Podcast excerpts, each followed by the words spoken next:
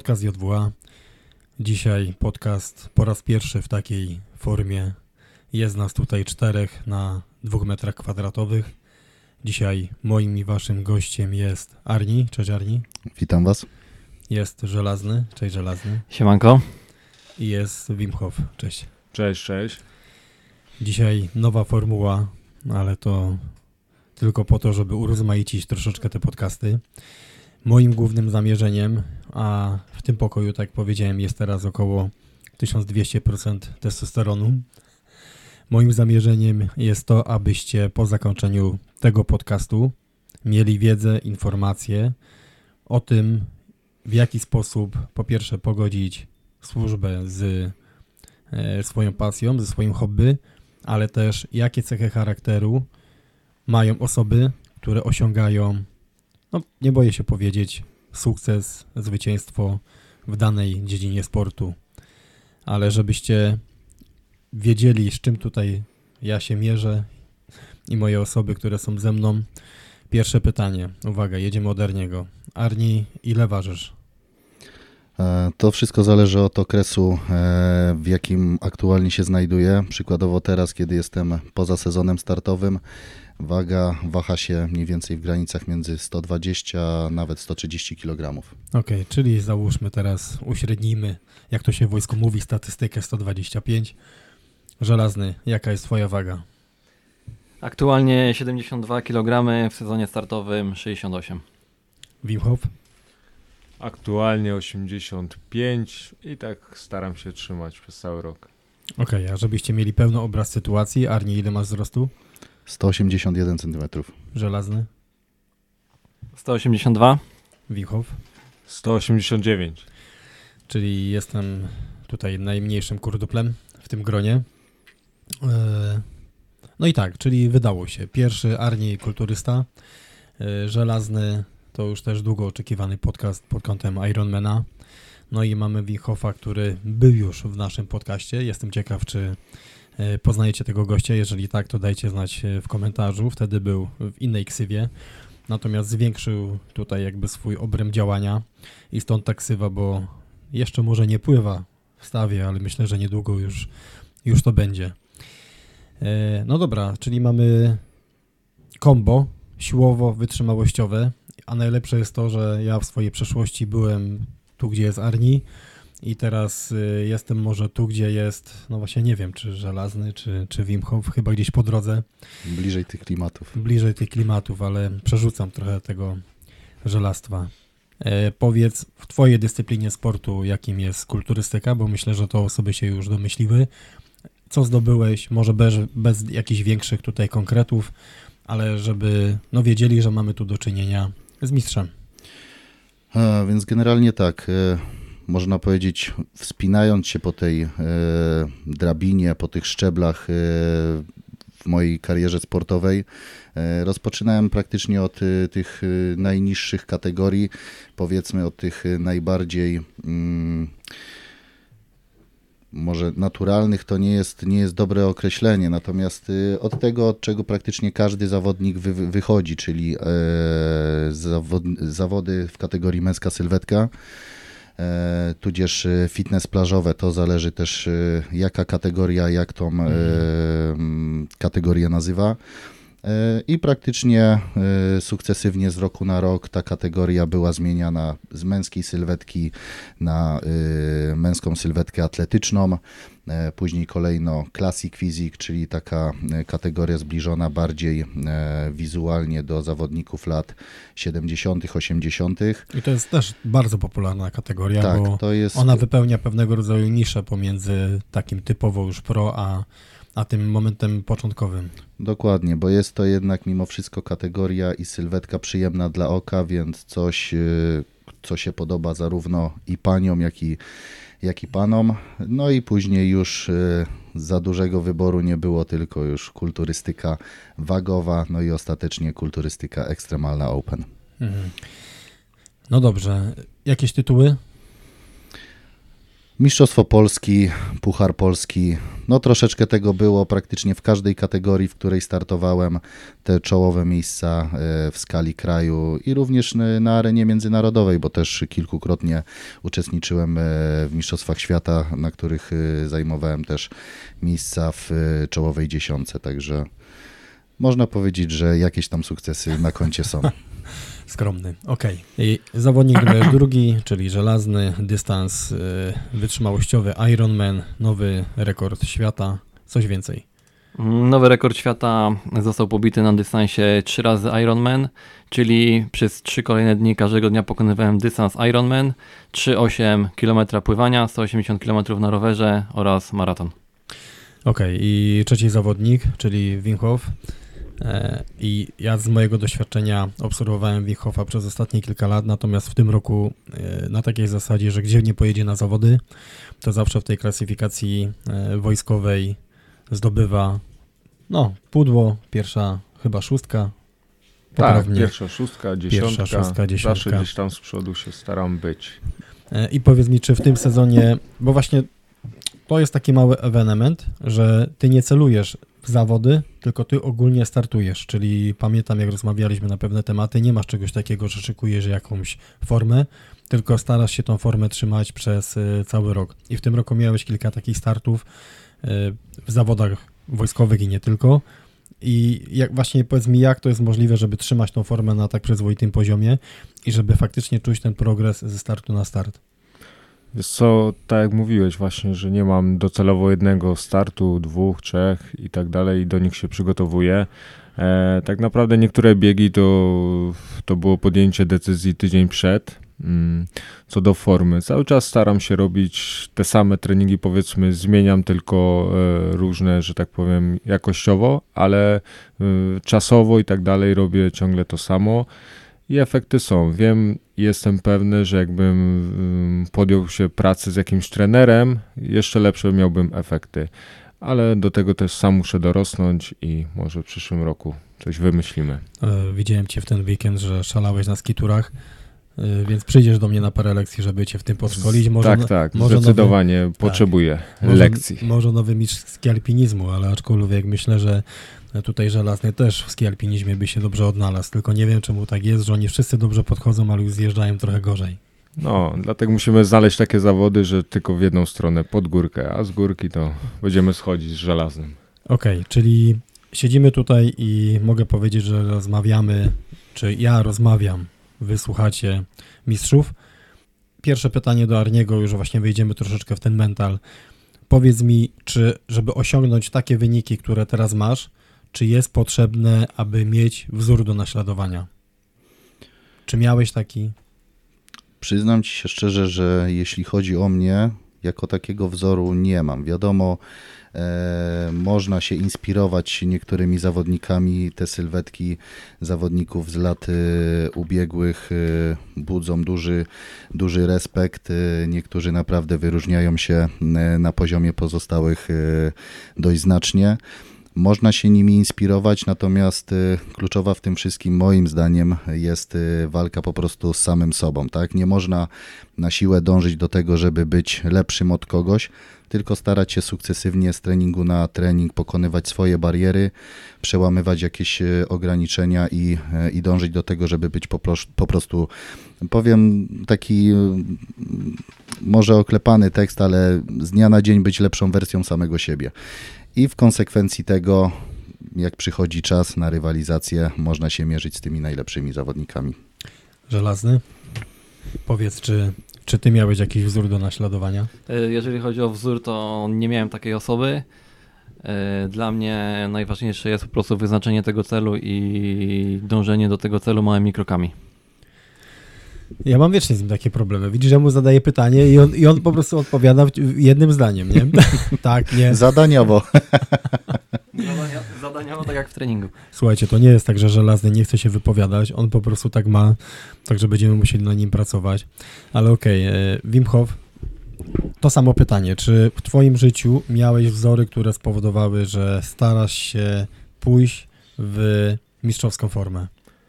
Nie, nie miałem żadnych wzorów e, w życiu. Za, za gówniarza miałem raczej ciężkie życie, więc e, nie patrzyłem na lepszych. E, a teraz tak naprawdę, tak jak tu kolega powiedział wcześniej, chcę być lepszy dla samego siebie, tak? Cieszę się naprawdę, że przez te 365 dni w roku codziennie rano wstaję i chcę mi się iść na trening, chcę mi się iść biegać na rower, skitury, że ciągle sprawia mi to radość i to jest dla mnie najpiękniejsze.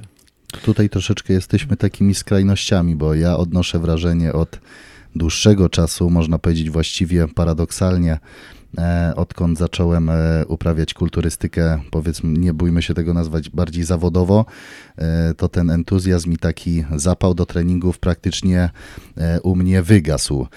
Wydaje mi się, że też jest to spowodowane tym, że przestałem to traktować bardziej rekreacyjnie jako hobby, a bardziej zadaniowo pojawił się ten aspekt rywalizacji i to też może spowodowało to, że te treningi były coraz bardziej intensywne, coraz cięższe, a co za tym idzie, no niestety robiąc ciężką robotę, ciężko się na ten trening zebrać, tak, bo wiemy, że nic ta, na nas tam na tej sali treningowej ciekawego i przyjemnego nie czeka, tylko czeka na nas po prostu ciężka praca, którą musimy praktycznie z dnia na dzień wykonywać nieustannie, w większości bez przerw. Więc tutaj, tutaj w moim przypadku akurat jest troszeczkę odwrotnie i bardziej takim moim silnikiem napędowym do tego, żeby, żeby pokonywać te swoje e, bariery jest e, nie wiem, może obawa przed porażką albo obawa przed, e, przed tym, że, że z kimś przegram. Także tutaj troszeczkę taka odwrotna motywacja. Myślę, że to jest też taka kwestia, że jeżeli wchodzimy już na pewien poziom, to też liczymy się z tym, że ktoś może okazać się od nas lepszy. I tak jak powiedziałeś, często w momencie, gdy pniemy się do przodu, to cały czas, jak to się mówi, wilk, który e, idzie na górę, jest bardziej wygłodniały niż ten, który na tej górze jest. Więc inne rzeczy będą motywować nas w momencie, gdy idziemy po mistrzostwo, a pewnie inne rzeczy będą nas motywować, gdy stajemy się mistrzami. I też chciałbym tutaj właśnie o tych rzeczach powiedzieć, bo ja z mojej perspektywy miałem trenerów, Czyli ja w kulturystyce od razu jak zaczynałem w wieku 14 lat, e, pierw to jakby mój tata był moim trenerem i pierwsza książka Zakrzewskiego chyba to był sport dla wszystkich, więc to była dla mnie wyrocznia i ćwiczyłem. Potem od razu był to Jan Wyduch e, na siłowni na Hadesie, potem Wiesław Kruk, więc miałem cały czas, wiecie o co chodzi, te wzorce. I z tego się cieszę i wiem także, że u nas w pracy jest bardzo ważne, jeżeli pozyskujemy, załóżmy, młodych żołnierzy lub teraz te osoby, które nie są żołnierzami, ale chciałyby zostać, sympatyzują z wojskiem, że one też potrzebują tych wzorców. Dlatego, jeżeli ktoś przykładowo nie ma tych wzorców, to pewnie ma też pewien zbiór cech charakteru, które sprawiają, że on to osiąga. Więc teraz polecimy z drugiej strony. Wim Hof, jakbyś miał powiedzieć trzy cechy charakteru, może niekoniecznie trzy, ale takie, które tobie które z tobą rezonują pod kątem, co może człowieka w sytuacji, gdy właśnie nie ma tego wzoru, wyciągnąć go na poziom mistrzowski? Jakie cechy charakteru determinują, że ta osoba może osiągnąć swoje cele?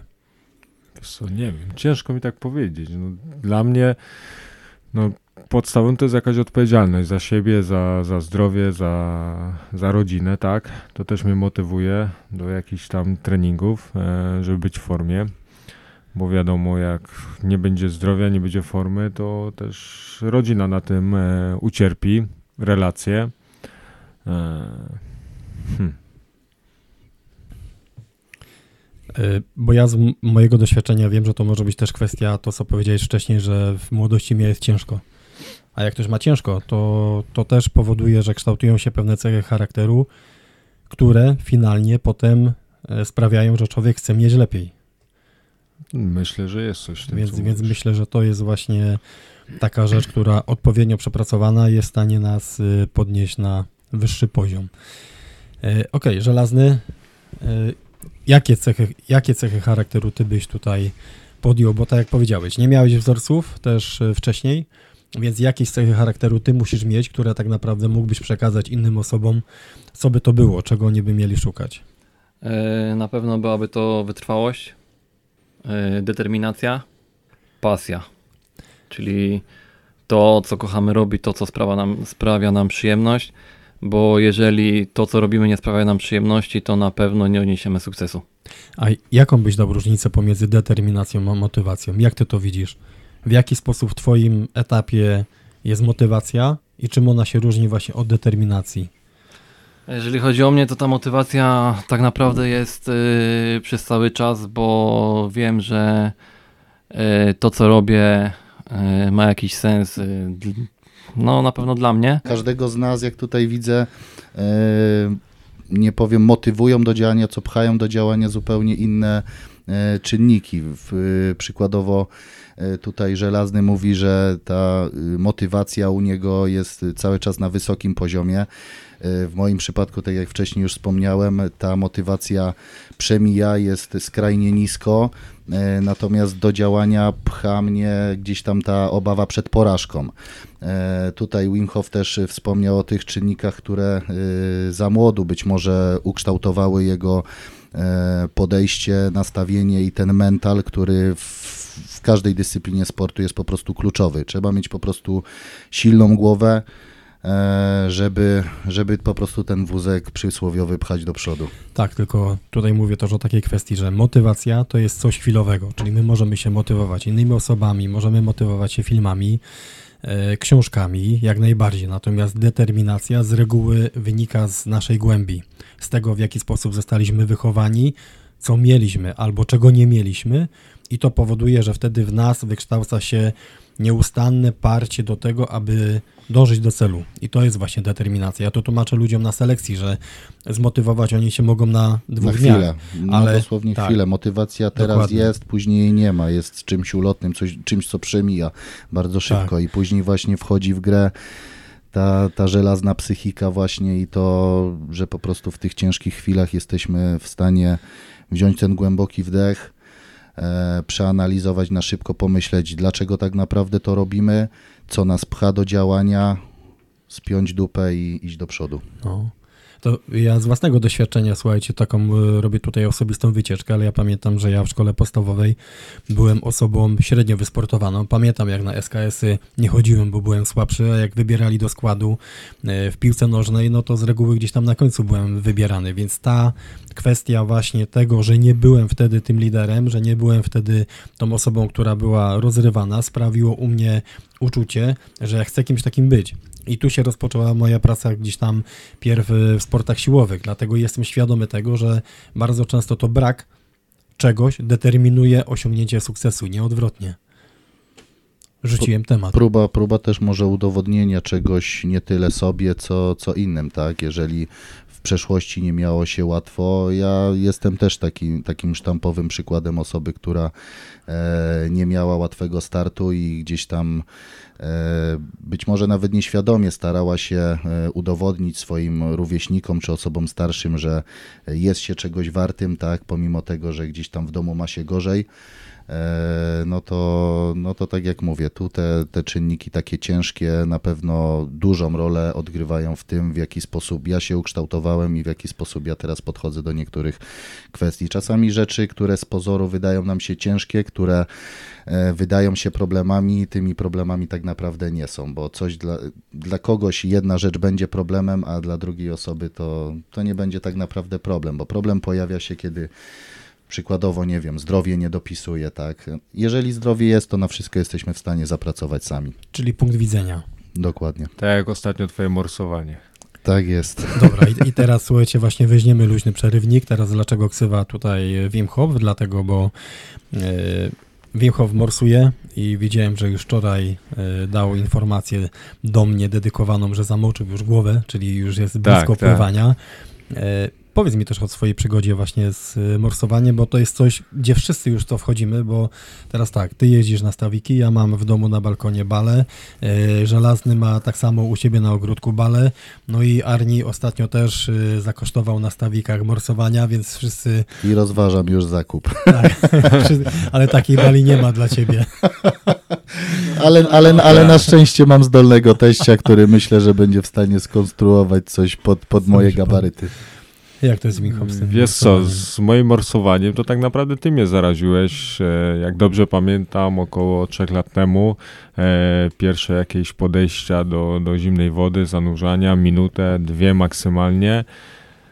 I tyle. Uważam, że tak naprawdę najważniejsze to jest zrobić ten pierwszy krok. E, w tym sezonie dość szybko zacząłem, bo chyba na początku października. I tak staram się dwa razy w tygodniu podjechać na te stawiki i posiedzieć z 10 minut. No, to, co wczoraj wspominałeś, przed chwilą wspominałeś o wczorajszym dniu, to wyszedłem znowu ze strefy komfortu, postanowiłem się zanurzyć, mhm. całą głowę. A jak, jak długo chodziło za tobą ta myśl, że już muszę zanurzyć, że bo, bo to jest tak samo jak z rękami, nie? że ja już teraz jak wchodzę do bali, to od razu już daję ręce w dół, nie myślę o tym ale to też trwało kilka takich prób wejścia, że mówię, nie, nie, muszę, muszę. Wiesz, to jest kolejne wyjście ze strefy komfortu, bo same e, pojechanie na te stawiki, tak, zejście do tej wody, to sprawiało już taki niepokój, taki stres. Mhm. Teraz zauważyłem, że już tego nie mam, tak? Jadę, rozbieram się, wchodzę, siedzę 10 minut, 9, wychodzę, ubieram nie się. z twoją nie, głową. nie, to już się zakończył ten etap. A teraz właśnie cały czas dyskutuję na temat tego, żeby zanurzyć głowę, e, żeby może popływać. Tylko nie chcę robić tego sam, jak jestem, bo. Musisz mieć zabezpieczenie. Bo muszę Zro... mieć kogoś przy Słuchaj. sobie, bo to nigdy nie wiesz, co się stanie z Twoim tak. organizmem. Tak? Zro... Myślę, że zrobimy Ja właśnie razem. też troszeczkę zmanipulowany takimi myślami, jak właśnie ostatnio wybrałem się, żeby się mm. podjąć morsowania to nie powiem, jak już siedziałem w tym samochodzie, to ze stresu ręce mi zaczęły drżeć. Mm.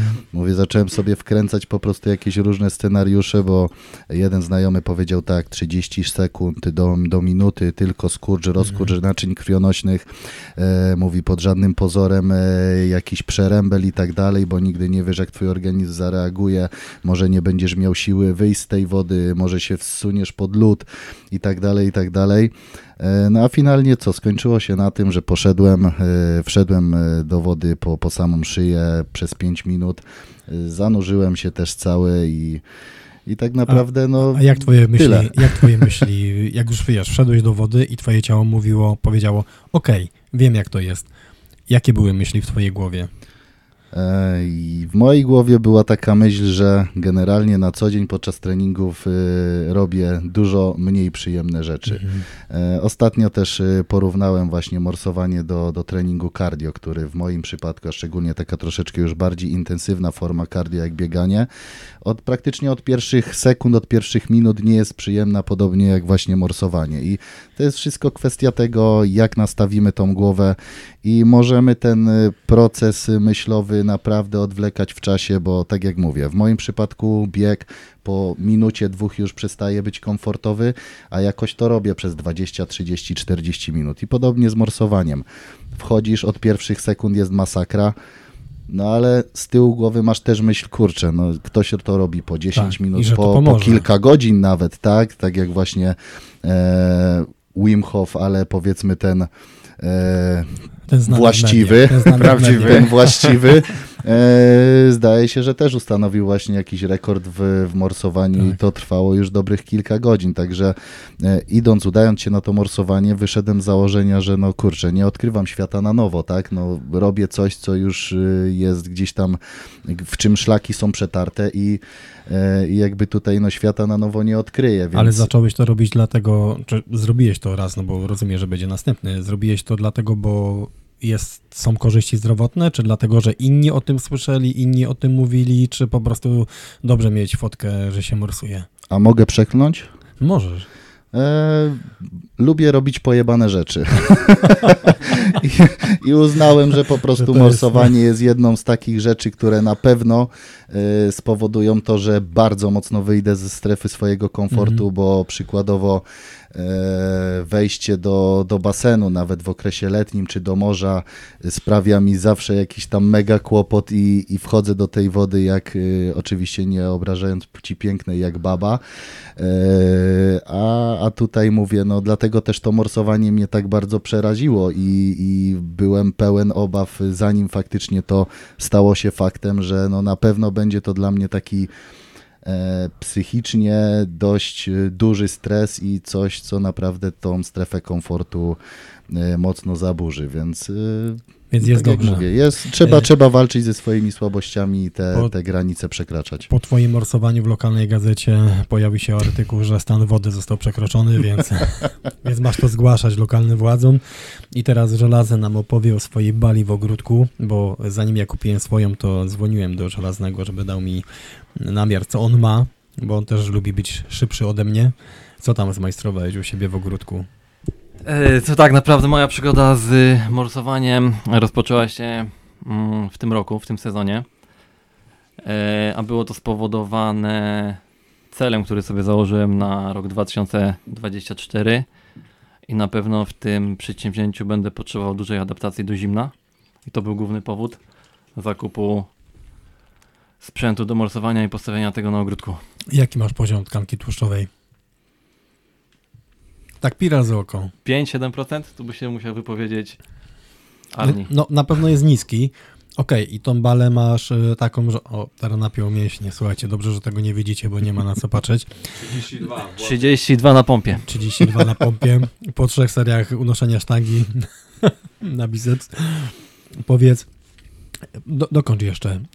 Y, tą balę masz taką, że kucasz, czy masz taką, że stoisz i ta woda jest też wysoko? Mm, kucam. Tam jest 500 litrów, o ile się nie mylę, e, wody. Kucam i no spokojnie do szyi jestem w stanie się zanurzyć. Okej, i jak na razie to wygląda, że y, dłonie też moczysz? E, tak, dłonie to są na początku krótkie sesje do 3-5 minut Z rana czy wieczorem? Po południu. Ja teraz sobie wziąłem taki nawyk, że wstaję rano yy, i od razu po prostu idę do bali, żeby mój mózg nie dyskutował, czy ja mam to zrobić, czy nie. Bo do tej pory mam jeszcze takie chwilowe, że głowa mówi, nie Grzegorz, nie potrzebujesz tego, po co ci to? Więc zdałem sobie teraz nawyk dziennie po dwie minuty i w momencie, gdy on przestanie dyskutować z tym, że ja w ogóle tam wchodzę, to będę chciał ten stan wydłużyć, no i oczywiście muszę w tym tygodniu zanurzyć głowę, no bo skoro Wim Hof zanurzył, to ja też muszę głowę zanurzyć.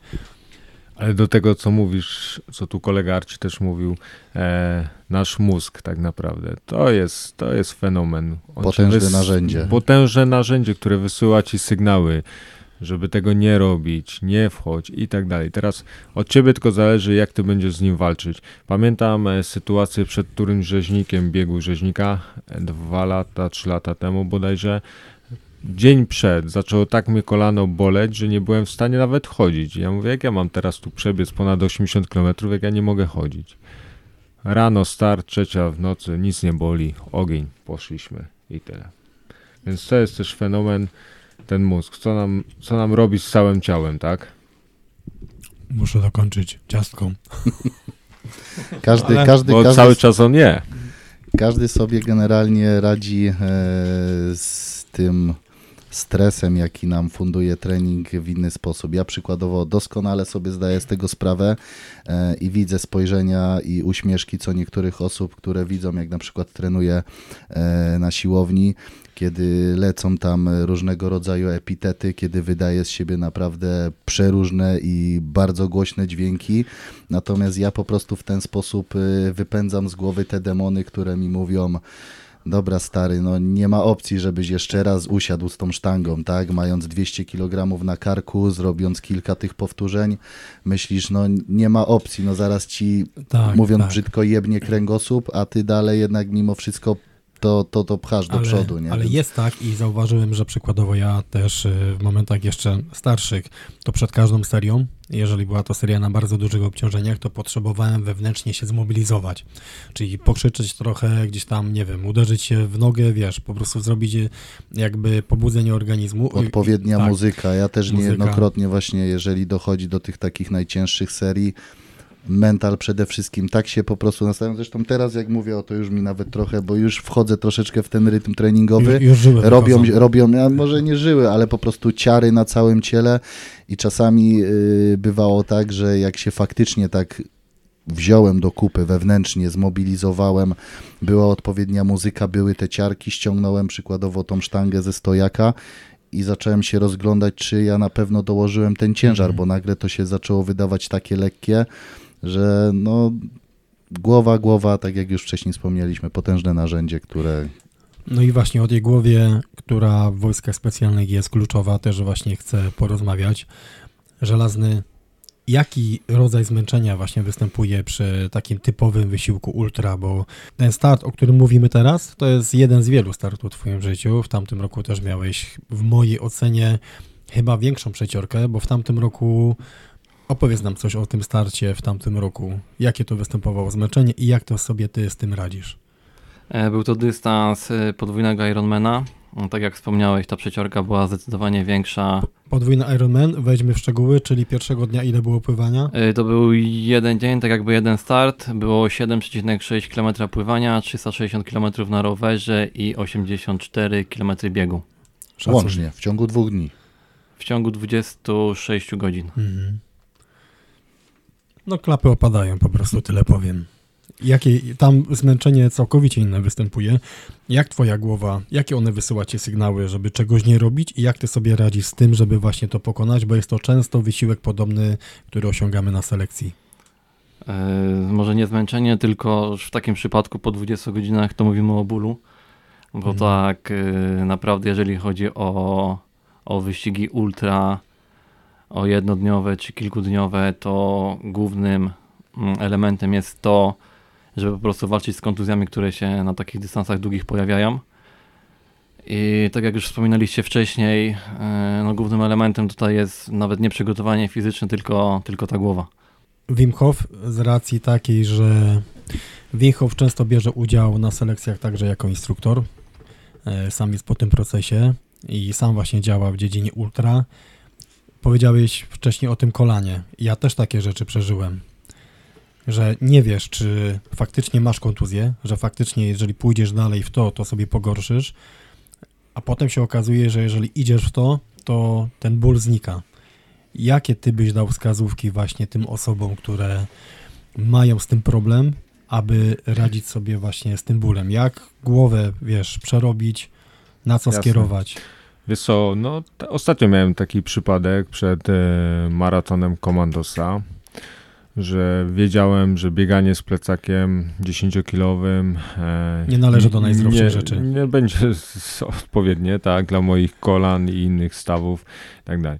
Przed samym startem, e, przed zawodami, przed maratonem Komandosa wyobraziłem sobie, że będę w najlepszej swojej dyspozycji i już w- wiedziałem, jak będzie wyglądać e, przekroczenie mety po prostu. Tak, że dostanę gratulacje, że zrobię dobry czas, byłem pewien tego i z takim nastawieniem zacząłem bieg. E, oczywiście po 20 kilometrach e, przyszły jakieś pierwsze obtarcia, bóle, ale cały czas w głowie myślałem o tym, jak przekroczę linię mety.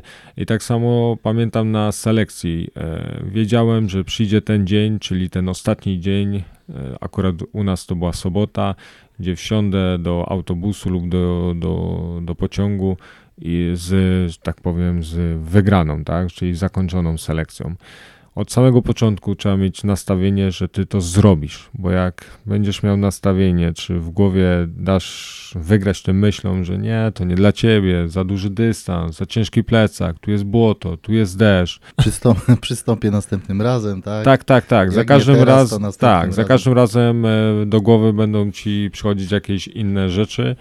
To tego nie zrobisz, a nawet jak to zrobisz, to nie będziesz miał satysfakcji. A przecież tak naprawdę na tym mi zależy osobiście, żeby mieć satysfakcję z tego, co robisz.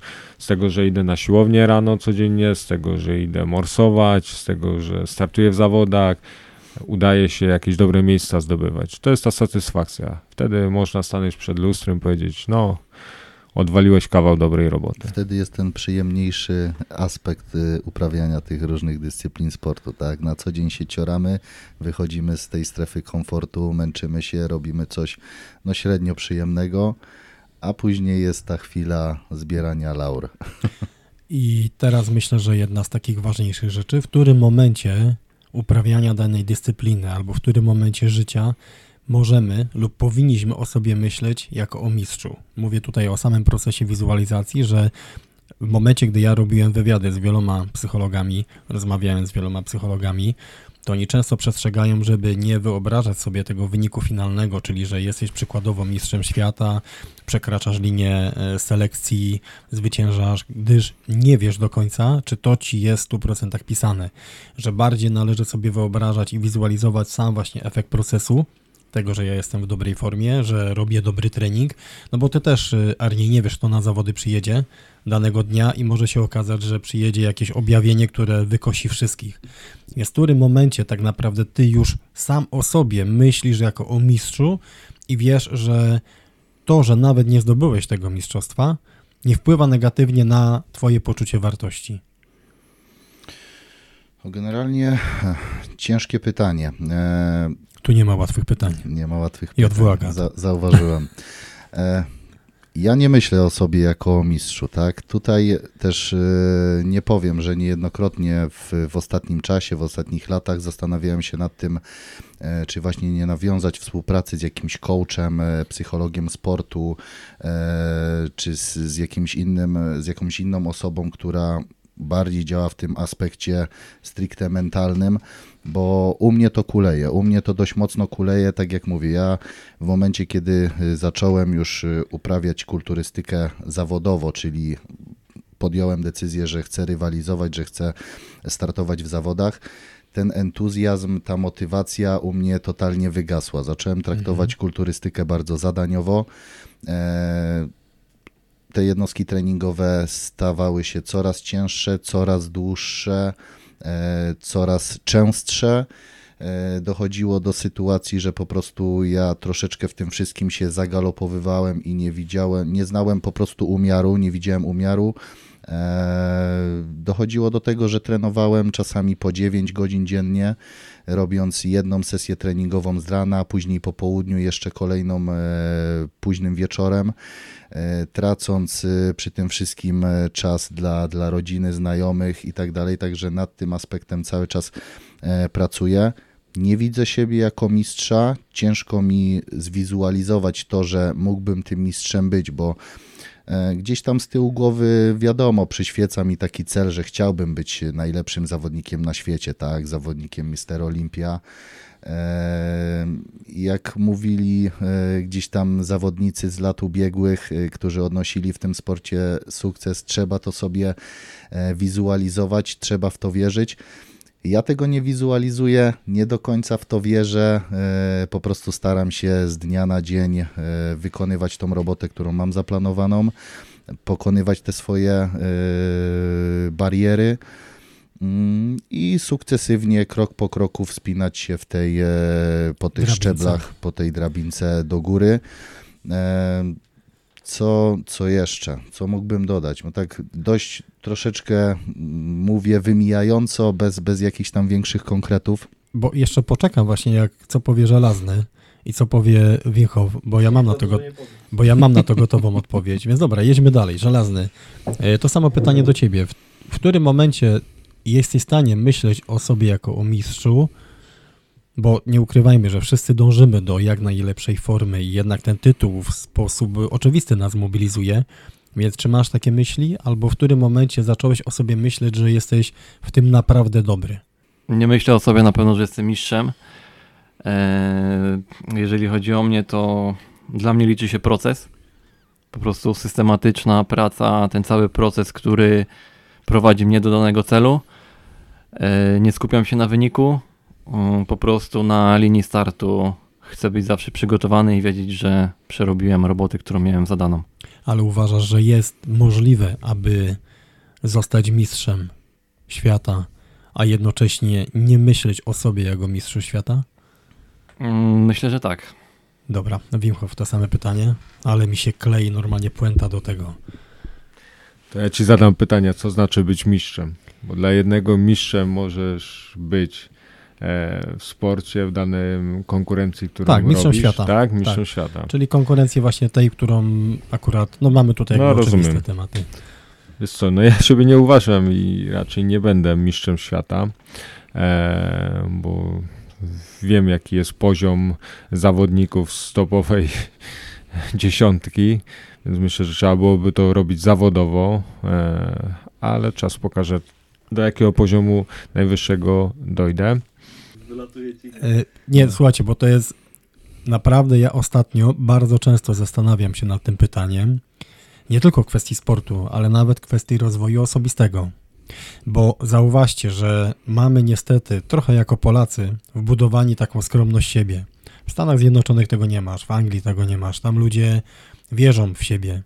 I teraz nie wydaje mi się możliwe, żeby zostać mistrzem świata, nie myśląc o tym, że mogę zostać tym mistrzem świata. Chodzi o to, żebym ja w swoim umyśle miał tą furtkę, że ja wiem, do czego jasno sprecyzowanego celu. Wiecie o, co, wiecie o czym mówię, nie? Że nasza wrodzona skromność każe nam myśleć, że nie, bo przecież to może jak, tak, jakoś tak to samo wyjdzie, wiecie, przy okazji. Ale tak samo ostatnio myślę pod kątem przykładowo zmian konfiguracji swojego życia trochę. Moim marzeniem jest oczywiście, żeby kupić dobrego pick-upa albo 150 jakąś. I teraz pytanie, czy ja jestem w stanie widzieć siebie w tym samochodzie, mało tego, w jakimś jeszcze innym samochodzie, czy jestem w stanie widzieć siebie jako bogatego człowieka. I teraz wiecie, sami chcemy do tego dążyć, żebyśmy mieli pieniądze, żebyśmy byli dobrymi sportowcami, ale jednocześnie mamy wewnętrzne obawy do tego, żeby faktycznie widzieć się w tej roli. A jednocześnie każdy z nas, jak popatrzymy na drogę swoją życia, to już udowodnił, że tak naprawdę jest w stanie być tym mistrzem. To znaczy, to się tak y, z pozoru może wydawać e, proste, tak? Mówimy tutaj zostać mistrzem świata. Zostać mistrzem świata to znaczy być najlepszym w danej dziedzinie sportu, w której konkuruje się z setkami, tysiącami, czasami milionami osób, tak? No. I to wydaje mi się, że nawet ciężko to sobie komukolwiek zwizualizować, że ma się tą możliwość e, E, zostać tym mistrzem świata, bo z drugiej strony rozsądek podpowiada, że to jest tak nierealna rzecz, że. Ale czy to jest rozsądek, czy to jest właśnie wbudowany kod, który my mamy w sobie? Bo wiesz o czym mówię, jak y, nie wiem, czy oglądaliście ostatnią e, autobiografię Arnolda na Netflixie. Y, oglądałem, ale zatrzymałem się bodajże w połowie. Okej, okay, ale jakby wiemy, że Arni miał od samego początku, wiedział, że będzie kulturystą, wiedział, że będzie mistrzem świata, jakby miał to, wierzył w to, wiedział, że będzie aktorem, wiedział, że będzie gubernatorem. Mówi o takich rzeczach, że nie bał się faktycznie o tym myśleć i mówić. I jak zobaczymy sobie na y, motywacyjne przemówienia, to faktycznie oprócz Denzela Washingtona uważam, że mowy Arniego są jedne z najlepszych, a jest też on żywym przykładem na to, że faktycznie dobrze sprecyzowane cele i wizualizacja odpowiednio zaprogramowana jest w stanie nas na ten szczyt wziąć. No bo w tej kulturystyce mimo wszystko ktoś tym mistrzem świata jest. Na dystansie Ironman, no ktoś co roku tym mistrzem świata jest, tak? W biegach górskich i tak dalej ktoś tym mistrzem świata jest. I zauważcie, że teraz patrząc na profile danych sportowców, tak jak powiedziałeś, oni często korzystają z pracy właśnie coachów, yy, trenerów, psychologów i uważam po części panowie, że to jest nasz błąd. Tak samo przygotowując chłopaków do selekcji, bardzo często o tym rozmawiamy, że oni muszą być zaprogramowani, wiadomo, na drogę, na ciężki trud, na pokonywanie po prostu i wychodzenia ze stref komfortu, natomiast oni muszą wewnętrznie jakby widzieć się w tym. Jeżeli oni się w tym nie widzą i pozostawiają wiele rzeczy przypadkowi, no to efekt właśnie selekcji potem jest takim przypadkiem. Nie? U ciebie to jest bardzo namacalne, Arni, w y, kulturystyce, bo tam wychodzi kilku gości i co nowe zawody i wyższy poziom, który masz, to spotykasz się z coraz to lepszymi, nie? Tak, no ta dyscyplina sportu też jest y, minusem tej dyscypliny sportu jest to, że ona jest taka wysoce niestandaryzowana, tak? E, nie ma tutaj, mm, tutaj jest kwestia bardziej e, subiektywnej oceny sędziów. Niestety kiedy stoi pięciu kompletnych zawodników, no tutaj o wyniku no tak. decydują tak. detale. Nie jest to bieg, y, nie jest to skok w dal, nie jest to inna dyscyplina sportu, taka miarowa, nazwijmy to, w której po prostu czynnikiem decydującym o wyniku jest czas, jest tempo, jest e, coś, e, co jesteśmy w stanie zmierzyć. Tutaj, no niestety, nawet jeżeli jest się w tej swojej życiowej formie, nie jesteśmy w stanie stwierdzić, kto przyjedzie na te zawody, tak jak już wcześniej wspomniałeś, z kim nam przyjdzie rywalizować, jakie danego dnia będą kryteria sędziowskie, które oczywiście jakieś są, ale one mogą się zmieniać e, z czasem i w zależności od tego, kto w tym panelu sędziowskim jest. Więc tutaj, e, tutaj jakby też nie mamy aż tak dużego wpływu na sam wynik, stąd też jeszcze ciężej wizualizować sobie zwycięstwo. Akurat ja mówię z perspektywy mojej dyscypliny mm. sportu, bo Przykładu biegów dysta- długodystansowych. Y, Jeżeli zrobimy na treningu jakiś czas, bo wiemy przykładowo, jaki jest rekord świata na dany dzień, jeżeli ja go pobiję, to jestem w stanie sobie wizualizować to, że jestem mistrzem świata, bo wiem, że jestem w stanie to zrobić. Natomiast tutaj nie jestem w stanie porównać swojej sylwetki do sylwetki kogoś, bo e, No tak, ale, ale wiesz, ale są rzeczy, na które nie mamy wpływu. Zobacz, Ironman startuje, wiesz jakie czasy, tu żelazny do ciebie, wiesz jakie czasy przykładowo robisz na biegu, wiesz jakie czasy robisz, jaką, z jaką mocą jedziesz na rowerze, wiesz jaką to ci daje średnią, wiesz w jakim tempie pływasz i to wszystko wiesz i możesz sobie zrobić przykładowo taką kalkulację, że ok, zrobisz tytuł. Natomiast nie mamy wpływu na to, czy przykładowo jedzenie tego dnia, y, czy mój organizm będzie to dobrze tolerował. Bardzo często w biegach właśnie ultra to decyduje o finalnym powodzeniu. I teraz w jaki sposób, y, może już teraz daleko pójdę, ale w jaki sposób ten wszechświat reaguje, że ktoś, tak jak to mówimy, miał szczęście, tak, że w danym dniu to wszystko zagrało. I czasem myślę, że poprzez ten właśnie proces odpowiedniej wizualizacji jesteśmy w stanie sprawić, że te szczęście właśnie będzie nam sprzyjało. Jak to jest żelazne u Ciebie? Tak jak mówiłeś, na dystansach ultra nie samo przygotowanie fizyczne ma wpływ na, na końcowy wynik. Tutaj pogoda, odżywianie, jest dużo innych czynników, które, które tak naprawdę mają ten wpływ na ostateczny wynik. to jest to, o czym mówimy, że chłodna kalkulacja, tak u ciebie, y, Arni, w zawodach, chłodna kalkulacja jest ważna, ale ty nie wiesz, czy gościu nie wyjdzie przykładowo i nagle skurczy nie dostanie. I gościa będą musieli znieść, gdzie on może być, y, wiesz, lepszy, lepszy genetycznie od ciebie, ale na, nie albo wiem. po prostu nie dotrwa do, do samych zawodów, Albo bo historia pokazuje, że e, wielu zawodników na finiszu, nie mówię, że pada i po prostu umiera, bo jest to dyscyplina sportu tak ekstremalna, że po prostu e, paradoksalnie w przypadku e, innych dyscyplin sportowych, żeby osiągnąć najlepszy wynik, musisz być w szczytowej formie, musisz się najlepiej czuć, e, musi to wszystko grać. Natomiast w przypadku kulturystyki jest takie powiedzenie, że im gorzej się czujesz, tym lepiej wyglądasz, tym lepszy wynik zdobywasz. Także tutaj zajeżdżamy, wyeksploatujemy ten organizm do granic możliwości. No i czasami niektórzy niestety tą granicę przekraczają i, i nie są w stanie dotrwać do samych zawodów. No dokładnie, to tak samo jak na wysiłkach, które trwają 20 godzin plus powiedzmy, to do ostatniego metra no nie możemy niczego zakładać, bo na ostatnim kilometrze może nas tak odciąć, że po prostu tej mety nie przekroczymy. Pamiętam, jak mówiłeś właśnie, że nie świętowałeś swojego sukcesu aż do ostatniego kółka, w którym wziąłeś flagę Polski. Zresztą to jest w ogóle niesamowite uczucie, jak bierzesz tą flagę Polski i, i robisz honorową rundę z flagą i wtedy chyba dopiero byłeś pewny, że już ci nikt tego nie odbierze. Tak, to było 400, 500 metrów przed metą, dopiero wtedy wiedziałem, że, że ukończę te zawody z takim wynikiem, jaki zakładałem. Okej. Winchow, do ciebie pytanie. W jaki sposób, bo ty masz wiele działek i biegi górskie, ale też y, teraz dosyć mocno trekujesz i wcześniej rower. No szczerze mówiąc, jesteś na mega wysokim poziomie. Teraz jeszcze te morsowanie. Y, Jakie stoją przed tobą wyzwania y, na następne lata? W czym ty chciałbyś się tak naprawdę stabilizować? Czy twoim celem będzie właśnie zachowanie tej dobrej dyspozycji i pogłębianie twojej formy na wzniesienie jej na lepszy poziom z każdym rokiem, czy jednak będziesz chciał pójść w jakąś specjalizację? Wiesz co, stricte w jedną specjalizację na pewno nie. Cały czas będę chciał podnosić swoją poprzeczkę. E, mam kilka pomysłów na przyszły rok, kilka biegów ultra. E, myślałem też o głównym szlaku, e, żeby go zrobić. Biegowo? Biegowo nie wiem jak będzie z supportem, bo to jednak e, angażowanie przynajmniej z trzech osób dodatkowo by trzeba było, ale jesteśmy, jestem w stanie coś tam No jest nas pomyśleć. trzech, no jest nas trzech, to ci możemy tak, pomóc. tak, tak. Chciałbym, żebyście ze mną pobiegli. To by było ciekawe. Spójrz teraz na Arniego.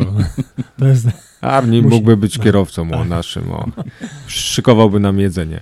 Ale tak naprawdę no, nie mam jakiegoś stricte jednego celu na zawody. Cały czas do przodu podnosić e, poprzeczkę, kilka wypadów zimowych może w góry, tak jak kiedyś zrobiliśmy razem.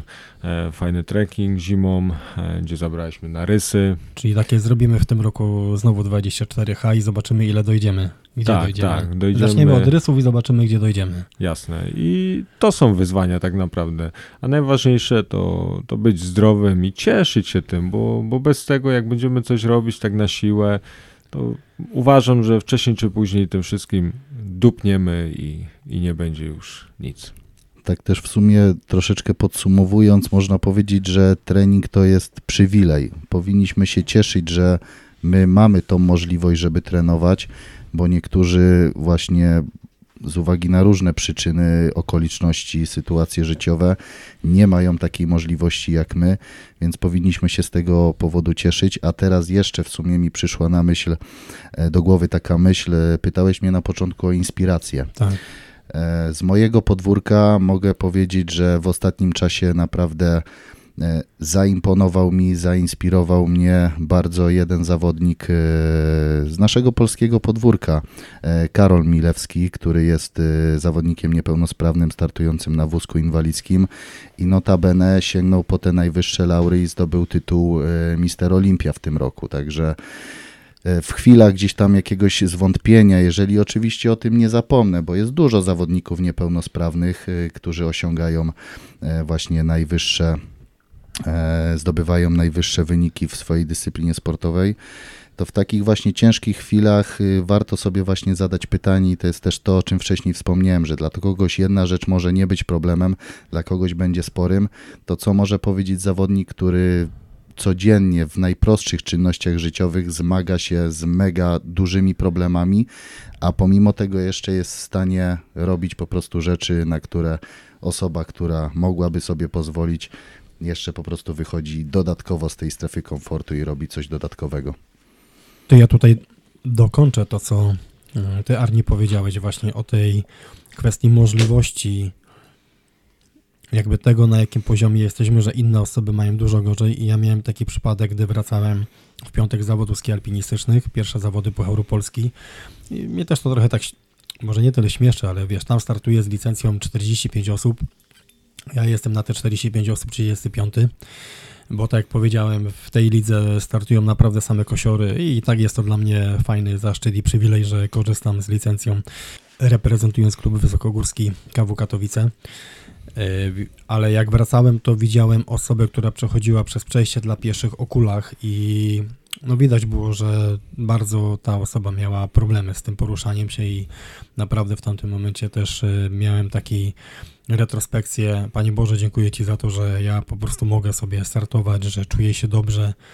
Yy, Wiesz, że mamy ten, to co powiedziałeś, przywilej trenowania, że jesteśmy w stanie to robić, bo wiele osób ma dużo, dużo gorzej, a często widzimy też, że te osoby, które mają gorzej, też wznoszą się na bardzo wysoki poziom sportowy. Natomiast przejdźmy jeszcze do takiej kwestii czysto treningowej. Jak udaje się pogodzić trening tak wysoce specjalistyczny z pracą e, w wojskach specjalnych w jednostce wojskowej AGAT? E, Jeżeli chodzi o trening w jednostce wojskowej AGAT, to, to trzeba zaznaczyć, że ten poziom sportowy u wszystkich żołnierzy jednostki jest naprawdę na, na bardzo dobrym, y, wysokim poziomie. Ta sprawność fizy- fizyczna jest y, od nas wymagana, można tak powiedzieć. I tutaj mamy przyjemność y, rozmawiać w trójkę, ale myślę, że sporo takich mocno aktywnych osób by się znalazło, które osiągają sukcesy nie tylko sportowe. Że Jeżeli mamy jakiś cel i do tego dążymy, to, to zawsze sobie z tym treningiem poradzimy, zawsze gdzieś go wciśniemy, nawet jeżeli mm, tych zadań dodatkowych będzie dużo. Wszystko zależy od, e, od organizacji czasu. Czasami możemy wstać godzinkę wcześniej, zrobić trening, czasami godzinkę później się położyć i, i jeżeli naprawdę nam na czymś zależy, to, to osiągniemy ten cel.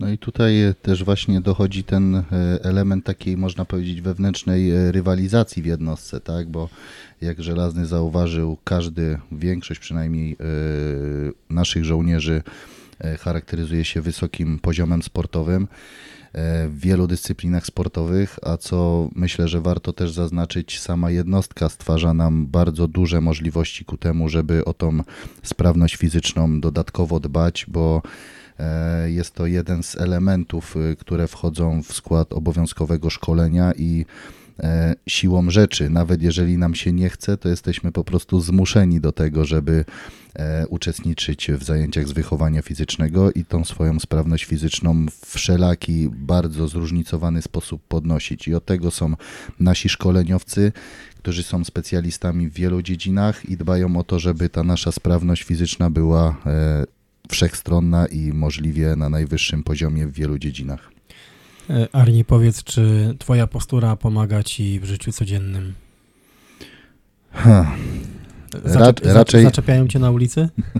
Raczej, raczej przy wykonywaniu jakichś czynności e, podstawowych nie pomaga. E, Czy zaczepiają mnie na ulicy? Tak, no widzę to, że ludzie zwracają na mnie uwagę. E, Ostatnio też e, właśnie będąc e, na wakacjach w Egipcie byłem takiego swego rodzaju miejscową atrakcją. Także Pluszak, pluszak. Także wiele różnych pseudonimów zostało mi tam nadanych, ale no, no na pewno w tłumie się wyróżniam. Okej, weźmy jeszcze taką jedną kwestię, najcięższy trening. Żelazny, jaki był twój, nie, teraz, jaki realizujesz taki najcięższy trening, ale taki, który lubisz? Yy, rower z bieganiem. To są takie najdłuższe, wymagające treningi, które aktualnie realizuję. Czas takiego treningu myślę, że do 5 godzin. To dobra, y, Arnie, twój taki najcięższy trening, ale taki, y, na który jedziesz z radością, bo ja powiem ci szczerze, ja zawsze uwielbiałem trening nóg. Żygałem na tym treningu, ale jak ja zakładałem po pół tony na hagmaszynę i robiłem przysiady, to to było coś, co sprawiało, że ja się cieszę. E, Na żaden trening nie jadę z przyjemnością, z przyjemnością wracam z tych treningów. Także na, na treningu cierpię, a po treningu celebruję swoje małe zwycięstwo i tą kolejną cegiełkę dołożoną e, do, tego, do tej ściany, którą powiedzmy buduję. Ale jest E, jakaś ale grupa to- mięśniowa, taka, która... Tak jak wspomniałeś, nogi. Nogi to jest y, trening nóg, prawdziwy, rzetelny trening nóg to jest coś, co odróżnia mężczyzn od chłopców. E, tu się. nie, nie bez przyczyny y, na siłowniach można zobaczyć wielu e, tak zwanych bocianów, tak, czyli dobrze rozbudowana e, góra. e, Ale nie obrażaj, niestety- nie obrażaj żelaznego, bo on też tak chwilowo kiedyś wyglądał jak bocian. a niestety gdzieś tam te, te dolne partie kuleją, bo po prostu ten trening jest ciężki. Jest, każdy trening może być ciężki, ale jest to trening, który zdecydowanie jest najcięższy, zabiera nam najwięcej tlenu, najwięcej energii, w którym musimy toczyć tą największą batalię w głowie. Arni, y, ile jest dziennie kalorii? Teraz. Prawdę powiedziawszy, e, co może się wydać e, niektórym dziwne, ja generalnie kalorii nie liczę tak dokładnie. Ja bardziej bazuję na e, produktach e, i makroskładnikach, czyli generalnie dieta w e, skali całego roku u mnie jest e, ta sama, bazuje na dokładnie takich samych posiłkach, e, takich samych produktach, przy czym są to różne proporcje, więc ta kaloryczność może się wahać w granicach od 6-7 tysięcy do nawet y, 2000 kalorii podczas y, już bezpośrednich przygotowań. Dobra, czyli teraz jeżeli chodzi o mikro, makro, y, białko, węgle, tłuszcze, na jakim jesteś y, poziomie? Mm, Tak jak mówię, tutaj bardziej bazuję na produkcie, ale Mhm. tak licząc na szybko około 400-500 gram białka, czyli wychodzi tak uśredniając około 2-2,5 kg mięsa dziennie.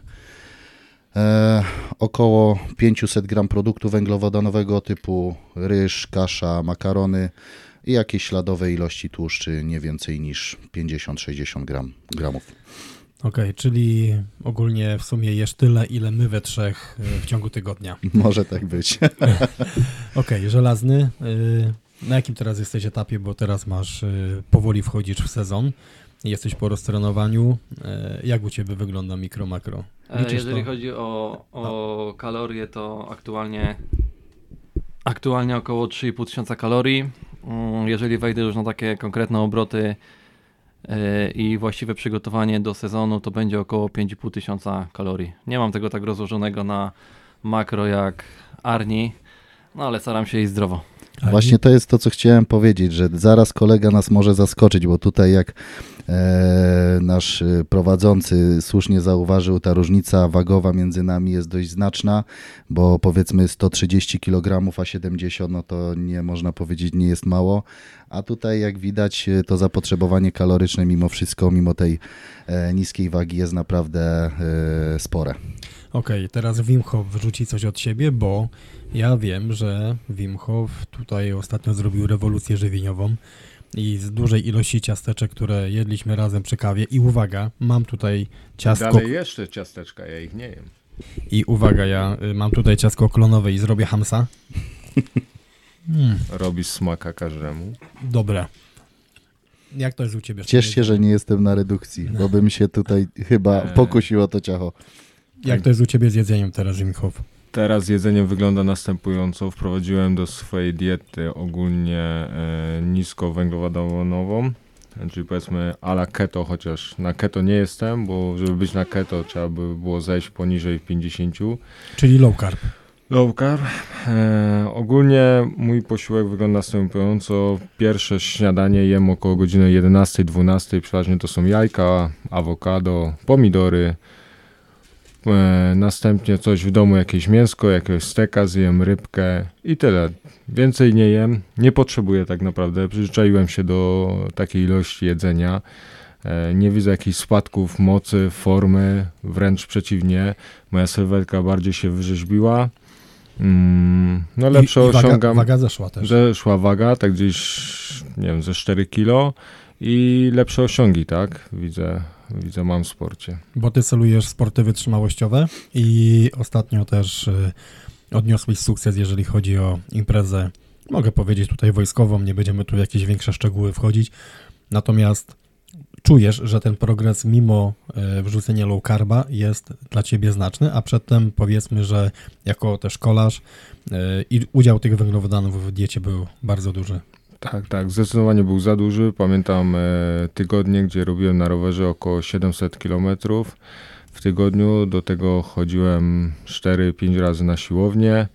E, inne jeszcze sporty też uprawiałem, biegałem, a efektów, że tak powiem, nie było. No bo jak się wracało po treningu i się jadło litrowe lody, pizzę, Bo nie można, bo pizzę. i można. Bo można, bo się spali, tak? Bo wtedy spalałem na treningu po 5-6 tysięcy kalorii, to sobie tak tłumaczyłem, no to mogę zjeść takie lody. Ale później zwróciłem też uwagę na swoją krew, na swój cholesterol i jednak e, doszedłem do wniosku, że tak dalej nie może być i coś trzeba było zmienić. I zmieniłem i naprawdę od powiedzmy pół roku czuję się wyśmienicie. I dlatego ciasteczka jem sam. E, Okej. e, To Ar- też w sumie doskonale obrazuje to, jak e, teoria mija się w wielu przypadkach z praktyką, że sportowiec typowo wytrzymałościowy powinien bazować głównie na węglowodanach jako tym głównym źródle paliwa, a tu jednak się okazuje, że można bardzo dobrze funkcjonować na, na diecie low carb, na, bazując tylko praktycznie na produktach białkowo-tłuszczowych. Tutaj Tak. też mówisz tylko dwa posiłki w ciągu dnia? Staram się przekąski to takie jak na przykład, nie wiem, orzechy brazylijskie, jakąś mieszankę studencką, to, to wcinam, tak? Nie powiem, że tego nie jem, bo bym skłamał, ale bazowo to te dwa posiłki. Około 11-12 to jest mój pierwszy posiłek, e, czyli rano robię przeważnie jakiś trening, siłownię do dwóch godzin, e, kawkę i, i tyle, tak? Też zauważyłem e, duże efekty, jak robię głodówkę. No, przynajmniej te 24 godziny. Ostatnio zrobiłem 41 godzin bez jedzenia na samej wodzie i herbacie i czułem się naprawdę na następny dzień zdecydowanie najlepiej w swoim życiu. Tak, a to już takie tematy nawet No. e, w Netflixie i na Disneyu są, jest dużo programów odnośnie głodówek, więc na pewno to też ma znaczenie. Dobrze, najważniejsze pytanie. Panowie, to jest klub po prostu tego podcastu, który zobrazuje wasze sylwetki. Zaczniemy od żelaznego. Żelazny, powiedz, jakiego masz psa? Ze względu na specyfikę sportu, którą uprawiam, mam wyżełka. Dobra, ja to wiem, ale Arni, opowie, opo, opowiedz nam, powiedz nam, jakiego masz psa bądź psy. E, No, moja żona właśnie ostatnio powiedziała, że e, łamie i kilku jej znajomych powiedziało, że łamie pewnego rodzaju stereotypy. No, myślę, że to jest prawda. E, naszą pierwszą psiną był szpic miniaturowy, czyli pomeranian, bydle ważące około 3,5 kg. Y, A teraz naszym nowym nabytkiem jest największy pies świata, czyli Chihuahua. Ja naprawdę musiałem to... Czy ty nie boisz się, Czu, że... Tego... czuję się bezpiecznie na spacerach. Czy ty nie boisz się, że temu psu przetrącisz kark, czy nie wiem, złamiesz go? jak, ja, jak ja widzę, jak on czasem na tobie siedzi, ten pies, to ja mówię, no Przez przypadek możesz go zabić. tak, przez przypadek możesz go Trzeba zabić. uważać, trzeba uważać. Ale to poniekąd uczy cię delikatności. No tak, na pewno. Muszę się wspinać na wyżyny swoich możliwości. Dobra, ja mam y, od niedawna adoptowaliśmy z żoną y, Amstaff, mieszankę Amstaffa i owczarka holenderskiego, więc y, w mój deseń. Ale myślę, że słuchajcie, zrobimy takie zebranie i że twój chihuahua będzie jeździł na mojej lady, a ten drugi pies będzie jeździł na wyżle od, od żelaznego. Myślę, że można spróbować to zrobić. Zrobimy coś takiego. Może się uda. Dobra, zbliżamy się powoli do końca tego odcinka. Tak jak powiedziałem, będę chciał jeszcze indywidualnie zrobić odcinek z każdym z Was, bo nie wchodziłem tutaj specjalnie w Waszą historię, po to, żeby był materiał na następny podcast. Nie zmieścilibyśmy tego wszystkiego w jednym podcaście, ale postaram się ten podcast wrzucić przed świętami Bożego Narodzenia, no najpóźniej przed Sylwestrem. Y, Ja uważam, ja panowie uważam, Taka jest moja opinia, że jesteście mistrzami i tego ja wam życzę, żebyście widzieli siebie jako mistrzowie, bo w pewien sposób, też nawet w wojsku, nie? Musimy wziąć tą odpowiedzialność za to, że kreujemy młodych ludzi i, i, i te młode osoby patrzą na nas, bo dzisiaj przechodząc się po jednostce rozmawiałem z chłopakami ze służby dobrowolnej, którzy przygotowują się do selekcji i ja mając 44 lata i mając moje doświadczenie, na pewno jestem w stanie im wiele doradzić. I też wiem po waszych działkach, że też macie ten zasób wiedzy i umiejętności, więc chciałbym życzyć wam, żebyście wy widzieli siebie jako mistrzów, bo ja tak was widzę i wielu osób, które na was patrzą, też tak was widzą. I jesteście motywacją dla właśnie tych osób, które chcą dążyć do celu. Natomiast czego wy byście życzyli na nowy rok, na te święta, wszystkim tym, którzy sprzyjają szeroko pojętemu wojsku, tak? Yy, Czego wy byście im życzyli? Przede wszystkim wesołych, spokojnych mm, świąt spędzonych w rodzinnym gronie. Szczęśliwego nowego roku. Wyznaczajcie sobie cele. Spokojnie, małymi kroczkami dążcie do ich realizacji. Ja przede wszystkim zdrowie. Dla mnie zdrowie jest takim aspektem najważniejszym, kwestią nadrzędną, także przede wszystkim dużo zdrowia. No najważniejsze to tak jak każdy chyba zdrowia, tak? Życzę wam zdrowia, wytrwałości w tym wszystkim, do czego dążycie, nie tylko do dążenia do osiągnięcia celów sportowych, ale, ale też wiele osób ma różne problemy, tak? Czy to e, rodzinne, nierodzinne. Życzę wam, żeby wam się wszystko poukładało i żeby w tym nowym roku wszystkie cele, jakie sobie założycie, były osiągnięte. Tego Wam życzę tak naprawdę. Tego właśnie Wam życzymy na te święta Bożego Narodzenia, tego Wam życzymy na nowy rok. Realizujcie swoje cele, to jest najważniejsze. Miejcie wzory, słuchajcie mądrych ludzi, otaczajcie się właśnie tymi osobami, które powodują, że Wy wzrastacie każdego dnia i nie bójcie się dawać dobry przykład. Dzięki za rozmowę i do usłyszenia. Cześć. Dzięki. Dzięki, cześć.